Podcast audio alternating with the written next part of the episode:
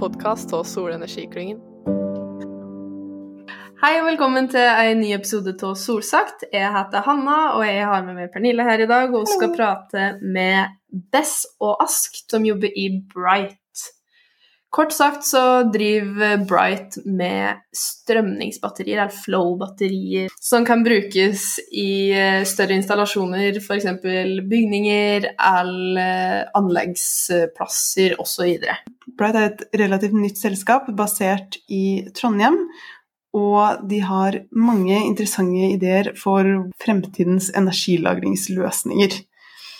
Ja, så jeg tror det her blir en interessant episode.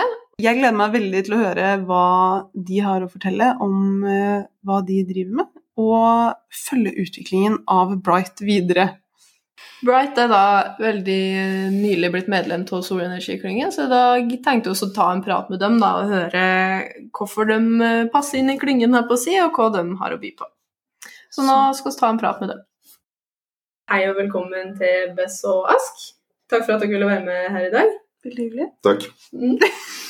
Kan ikke dere begynne litt med å si eh, hva dere jobber med, og holdt på å si hvorfor dere er her? Skal jeg starte? Ja.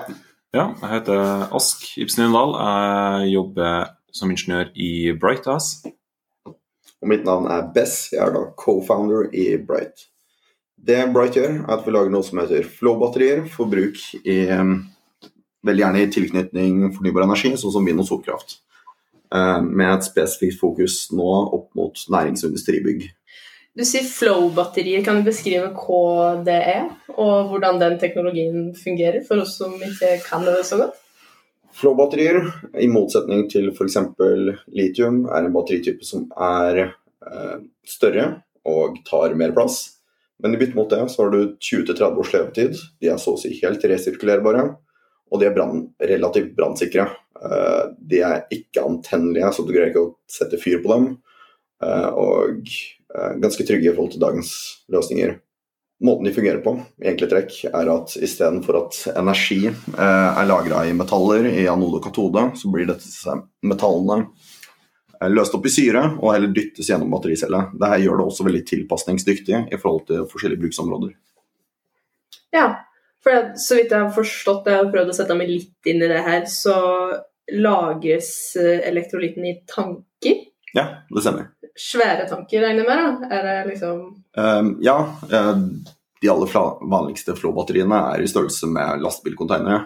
Men at energien er lagra i tanker, ser vi på som en ganske stor fordel. For um, i forhold til mer konvensjonelle batterier, så er kapasiteten kun avhengig av selve elektrolyttankene, så trenger du mer kapasitet.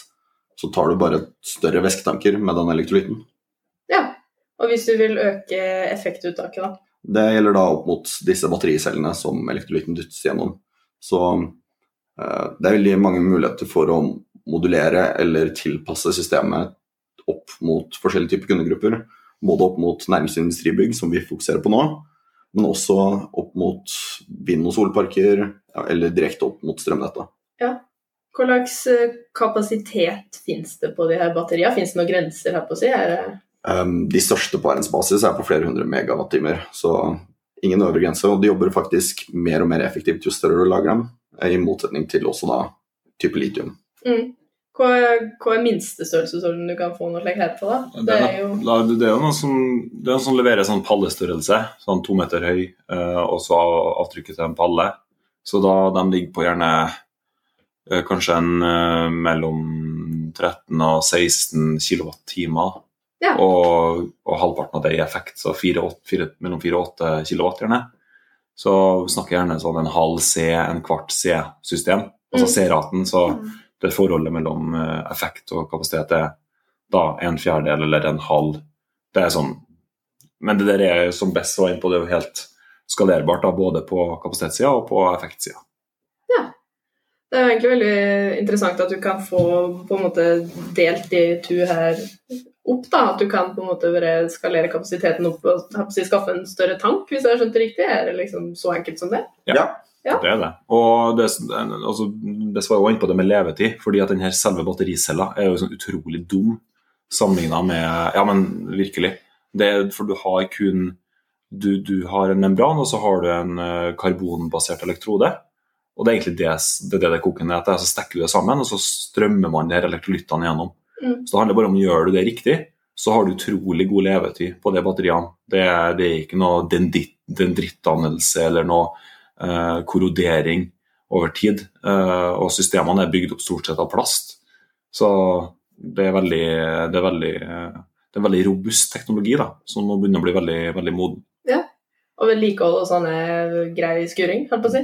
Praktisk talt ikke noe. Ja. Du må liksom passe på at den klyten er balansert og sånn, men det er veldig greit å overvåke og, og veldig, en veldig enkel prosess. Og, og si at du har et batteri som står og går igjen 15 000-20 000 sykluser, og du sier at ok, nå begynner kanskje membranen å bli slitt, eller nå, en- er, nå begynner noen av komponentene her å nå levetida si, så er elektrolytten helt uberørt av det. Så den kan i prinsippet resirkuleres igjen etter, etter si 20 år. Kanskje du må liksom prosessere den litt, men, men det, er Det det er ingenting som går tapt liksom, i den prosessen. Og, um, og det, er veldig, det er veldig kjekt. da. Ja. Det her er jo ingen ny teknologi. Um, ble vel først utvikla på 70-tallet. Ja, før da, tror jeg. Det ble Ja. jo brukt i noen romfergene som tidspunkt. da. Apollo-programmet, tror jeg. Og greia, Batterier har fram til de siste 15 åra i all hovedsak handla om å ha energi med det. Så Øk energitetthet. Du ønsker å ha et batteri i mobilen eller PC-en eller you name it. Um, men nå med virkelig store stasjonære batterier, så har jo ikke vekt og størrelse fullt like mye å si. Det er ikke alle som har plass til ti lastebilcontainere i garasjen. Men um, vi finner det litt ironisk at man bruker den letteste batteriteknologien tilgjengelig, altså høyest energitetthet, og en ordentlig energiversting for å gjøre fornybart bærekraftig. Så um, vi opplever veldig store muligheter for trådbatteriteknologi i Norge, og forbereder oss nå mot de første installasjonene våre. I forlengelse så ser vi at eh, på verdensbasis så ser man at eh, markedet for batteriteknologi er veldig todelt. Det er et marked for stasjonære applikasjoner og for transportapplikasjoner. Og det er jo viktig at de, de riktige teknologiene brukes på riktig sted. Ja. Så at, at når vi produserer f.eks. masse høyeffekts eh, litiumbatterier, så går, skyfles de inn i transportsektoren f.eks. Mm. Og så finner man de gode teknologiene for stasjonærlagring. Og så får man et utrolig godt uh, samspill. Da. Det tror jeg, også, tror jeg også er viktig for uh, Så I dag så ser vi at det er mye litiuminstallasjoner, men det koker jo ofte ned til at det er veldig stor volumproduksjon. Mm. Og en del uh, det man kaller for B-celler da, fra bilproduksjon f.eks., som man sier ikke er bra nok for det, eller sånn, og så går det til stasjonell lagring. Men det, og det er jo bra det at batteriene blir brukt, men det er ikke, når du ser hvilken skala vi skal opp i, så er ikke det på sikt eh, særlig bærekraftig. Nei. Nei, det er på en måte ikke vits å bruke et uh, mobilt batteri til en stasjonær løsning, liksom litiumbatteri vil kanskje bli, da. Ja, eller man ser jo at man bruker mye litium-jernfosfatbatterier gjerne Ja. til stasjonær lagring. De har jo en del ganske mye lavere kapasitet og litt andre, litt andre karakteristikker enn type NMC-batterier eller eh, litium-kobolt, mangan, aluminium-batterier. Men, men likevel så er det liksom best var inne på, spesielt når vi, når vi går mot bygg og sånn, så får vi også det brannsikkerhetsperspektivet, Mm. som ennå i stor grad ikke Altså, det er veldig lav risiko for at det skal skje noe, med, mm, skje noe men konsekvensene er veldig store hvis det først begynner å brenne, f.eks. Så det er jo så ulempen med at øh, flyttbatterier har relativt lav energitetthet sammenlignet med andre batterityper, er en fordel igjen i den forstand at du får det igjen i den sikkerheten. da. Og når vekt eller volum ikke får like mye å si, så, så, og, og du får igjen det med le- levetid, og sånn, så ser vi at det er en veldig bra match mot de behovene som nå begynner å komme opp rundt omkring, etter hvert som det installeres mer variabel fornybar energi eh, distribuert. Du nevnte noe om at dere nærmer dere deres første installasjon i Ja. Bright. Kan du fortelle litt om eh, Bright? Dere er jo ganske nye i solenergiklyngen og slik, så det hadde vært interessant å få en litt sånn kjapp intro til hva selskapet har vært og skal bli. Eh, Når det kommer til første installasjon, så blir vel det noe du jobber litt mer med? Ja, nei, Den aller første stasjonen er faktisk på Gløshaugen. Det er jo Ja. den, eh, det er ikke, det er ikke vårt batteri, det. Da det, Da leverer vi fra en tredjepart. Men det, det har vært litt sånn for å gjøre oss kjent med det. Og så vil vi levere til, til et lite forskningsprosjekt oppe på Gløshaugen. Og så Det er et 5 kilowatt, 25 kWt batteri da, som vi skal ha inn i en liten tifotscontainer oppå ved pelleporten på NTNU. Så Det gleder vi oss til å få satt inn sannsynligvis i løpet av sommeren. Og så har vi også et større, et større prosjekt med pilotkunde her i Trondheim, som er et stort næringsbygg. Da. Og da mm, med, egenproduksjon. egen produksjon. og da, da eh, satser vi på å bygge et system som er i størrelsesorden flere hundre kilowattimer i det bygget. Så det, og det, det er vi på god vei til å, til å få bygd nå, da. Men da er det basert på det som vi ikke har sagt til nå, er jo at Bright er jo stifta rundt det kan kanskje best sagt litt mer om at det er stifta rundt en egen eh, altså Man jobber fram et eget patent da, som går på en, en, en, liten, men viktig forbedring av eksisterende flytbatteriteknologi. Som, mener, som, vi mener gir oss et forsprang også innenfor den uh, bransjen. Ja. ja, best du kan gjerne si litt mer om det hvis du vil. Altså, du har jo vært med på det her fra start. Hva er det som skiller dere ut fra andre som driver med ja, for det er, det, er det andre som driver med det? Ja, vi, vi, er de første i Norge som spesialiserer oss innen flåbatterier. Og det er så å si ikke noe av det i hele Skandinavia. Eh, vi har fått en god partnerskap gjennom et par europeiske aktører. Eh, og på verdensbasis så ser man de aller største flåbatteriselskapene i, i Nord-Amerika og i Asia. Der er det generelt eh, lavere regulasjoner når det kommer til batterier opp mot strømnettet. Og der hvor flåbatterier virkelig presterer, er jo de virkelig store størrelsene. Så med tanke på regulasjoner, så har Europa da hengt ca. fem til ti år bak på den fronten. Og nå begynner det å varme seg opp til at flåbatterier virkelig kommer til å komme til dette kontinentet. Men det er ganske mange aktører da, internasjonalt. Det er det, det, det må sies. Men, eh, men, eh, men, vi har jo det, har vært veldig artig. I hvert fall, Jeg er jo ganske fersk i selskapet også, men det er artig å se hvordan den bransjen eh, samarbeider veldig godt. Så er Inntrykket mitt er at det er lite fokus på sånn knallhard konkurranse.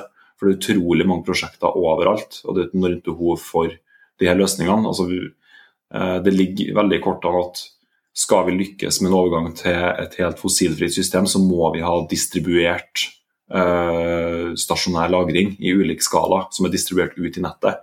Både for å eh, minske behovet for eh, overdimensjonering av kraftnettet, altså at vi får, at vi får brukt ressursene også på kraftnettsida, det hvor vi må bruke dem.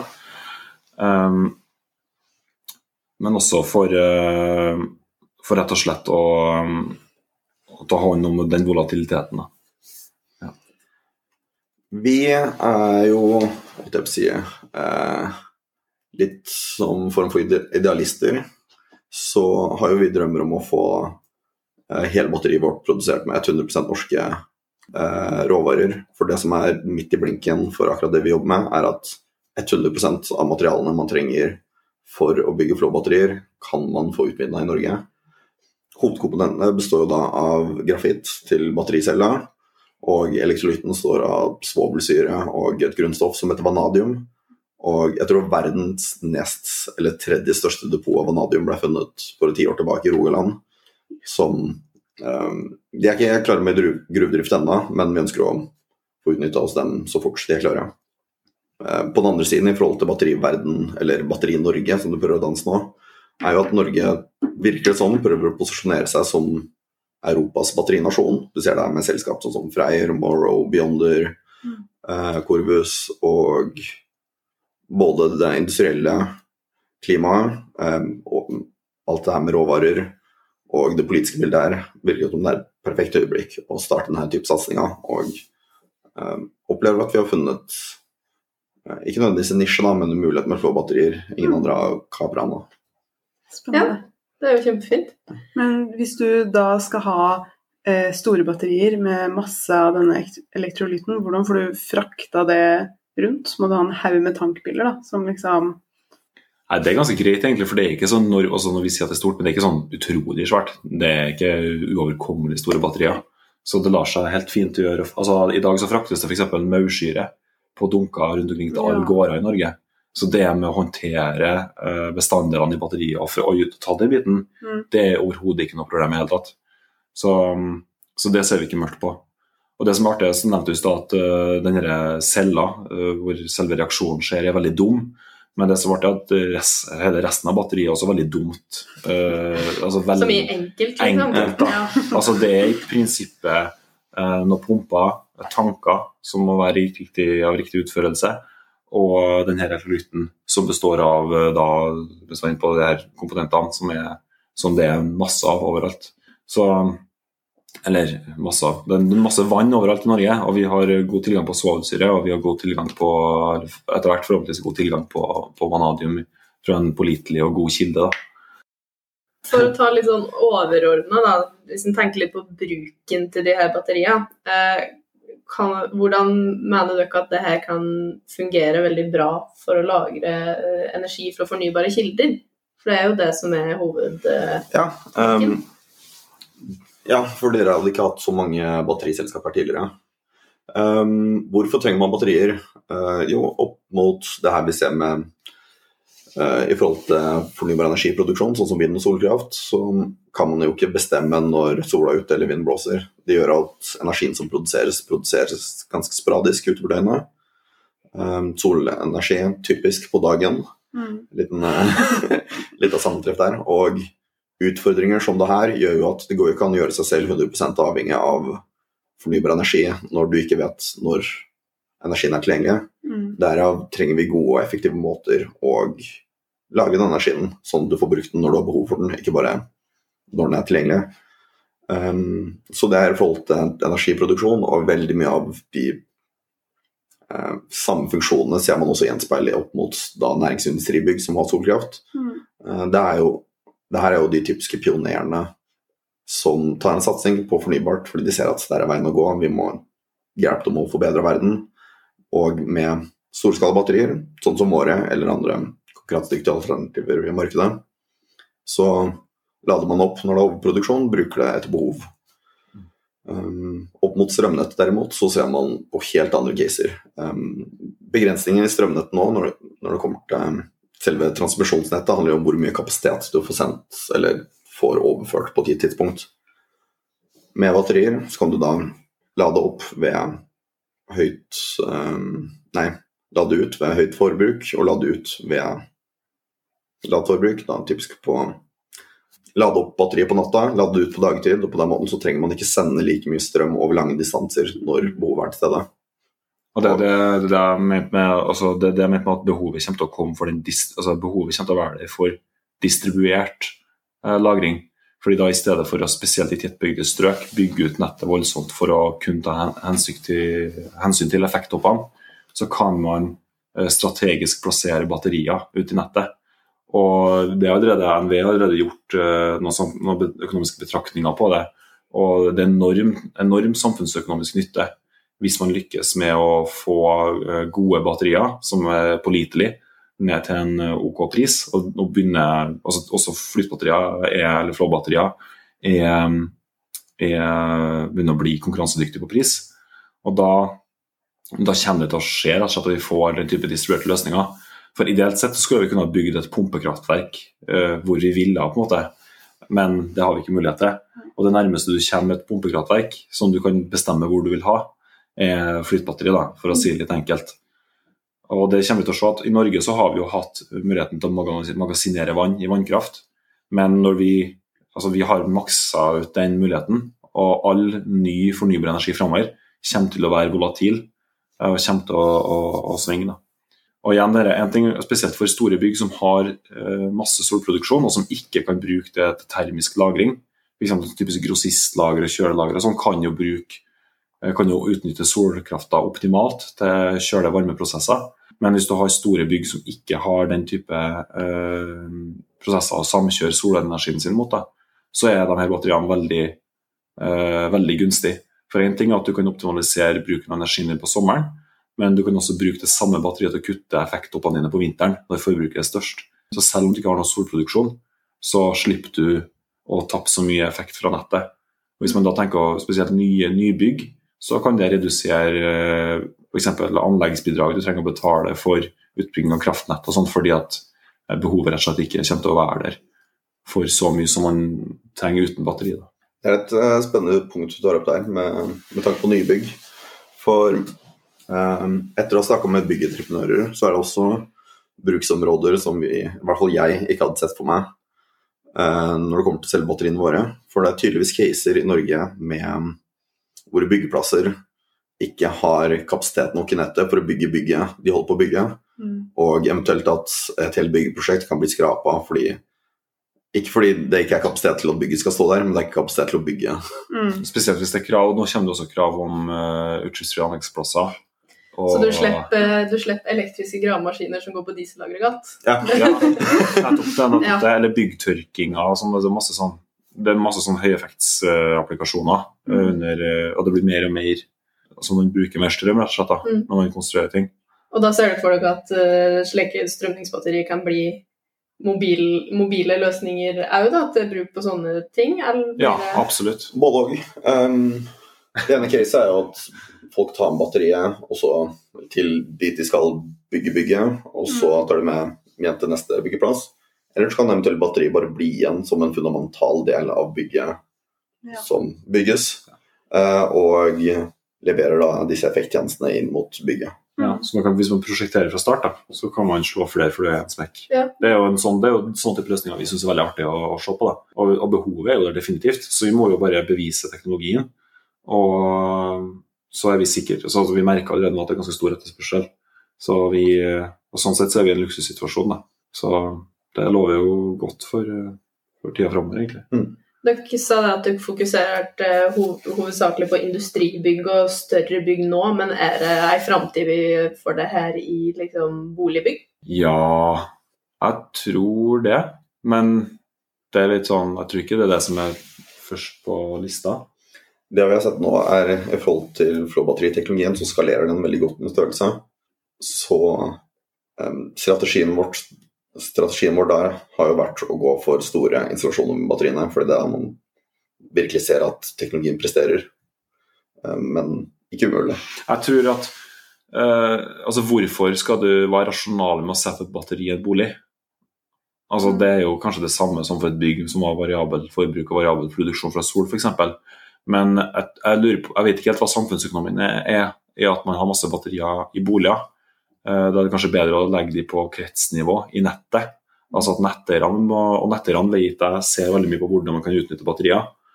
Og, så jeg tror nok kanskje det hadde vært det klokeste, da, hvis man vil ha den type god avlastning av effekttopper i distribusjonsnettet. Så burde de kanskje aller helst vært plassert f.eks. For i en fordelingstrafo eller, eh, eller på den type knutepunkt. I stedet for at alle sammen skal bygge hver sin Altså Det gir mening at alle sammen bygger hver sin varmepumpe, men vi er tross alt sammenbundet over kraftnettet. Så, så det blir spennende å se hvordan det der utvikler seg. Men hvis du har eh, nabolag eller positive energidistrikt og lignende, som er liksom flere bygninger med mm, mer solproduksjon, da, Ja. så kunne det her vært et alternativ. Ja, Vi ser på mange case med sånn mikrogrids, der man, der man for samler målerne, sånn at et større område havner bak én måler. og sånn. Da er det kjempegunstig å sette inn et batteri som kan optimalisere bruken av energien bak den måleren. Så det er det masse gode case på. Når vi først bare ramser opp cases her um, En av bruksområdene vi har sett opp mot næringsindustribygg, som er den kundegruppen vi jobber nærmest nå, er jo at flere bygninger um, minimerer mengden solkraft de installerer. Uh, så på den måten at skal vi si at du har plass nok til 100 kvadratmeter med sol, så bygger de kun ut 40 kvadratmeter. For de har en begrensning på hvor mye strøm de kan sende inn på nettet på et gitt øyeblikk. Med våre type batterier så er det også mulighet til at de utnytter hele arealet. Og når de produserer mer enn 100 kW, som i dag er den plusskundeordninga grensa, at det går i batteriet, og så kan de heller stabilt mate ut 100 kW, som et eksempel. At ikke bare vil batteriet muliggjøre å utnytte denne solkraften bedre, men tillate de som ønsker å installere mer, å gjøre det. Og En annen fordel, spesielt hvis man har egenproduksjon, er at eh, vi vet jo ikke hva framtidige kraftpriser blir. Men med en kombinasjon av sol og batteri, så vet du hva prisen blir i ganske lang tid framover. Og spesielt igjen, kan ikke nevne nok det med høyeffektapplikasjoner, eller kunder som har store effektbehov. Eh, Jeg er i hvert fall overbevist om at vi i årene framover vil se en høyere prising av effektuttak fra nettet. Rett og slett fordi at eh, det er så utrolig dyrt å bygge ut nett. Og skal man sørge for god samfunnsøkonomi, så må man prise effektuttakene. Og det, og det ser vi kommer. Og en ting er at det, skjer, at det kommer til å økes eh, tariffene sannsynligvis, tror jeg, da, for eh, næringskunder, men også for privatkunder. Så alt, alt som kan jevne ut hvordan vi bruker energien vår, kommer til å bli belønna.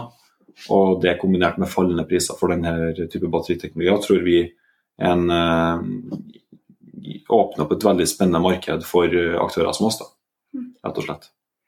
Er det her noe dere ser, ser for dere kan være aktuelt for alle måte større industribygg eller institusjoner? Vil det kunne passe på en skole eller et sykehus og den type ting i tillegg, eller er det kraftintensive industriprosesser som helst trenger slike ting? Ja, men ofte så må det jo matches mot bruksprofilen, altså forbruksprofilen. En skole er jo kanskje det egentlig dårligste caset, selv om det har store takareal. fordi at på, midt på sommeren når solproduksjonen er størst, så er det jo ingen som bruker bygget. Så har du masse overskuddsproduksjon som du mater ut på nettet. Um, så det må nesten være Mens for en gård f.eks. så vil eh, forbruksprofilen se helt annerledes ut gjennom året. Så jeg tror igjen det er det vil liksom økonomien ta seg av. Uh, og det er mer enn nok altså Det er tusenvis av, av kjempegode case å begynne å plukke av bare i Norge. Så, så det er ikke mangel på gode prosjekter. da. Og så er det artig, vi ser jo nå, altså, vi har jo vært litt, Nå har jo vi meldt oss inn i solenergiklyngen, uh, men vi har allerede vært i litt kontakt med solenergiaktører, uh, i, spesielt i Trøndelag. da. Og det er flere som er interessert i å se på at det her er en, en teknologi som Eller de ser det samme som oss. Og vi, er jo ikke, vi vil bygge batterier og bli gode på det.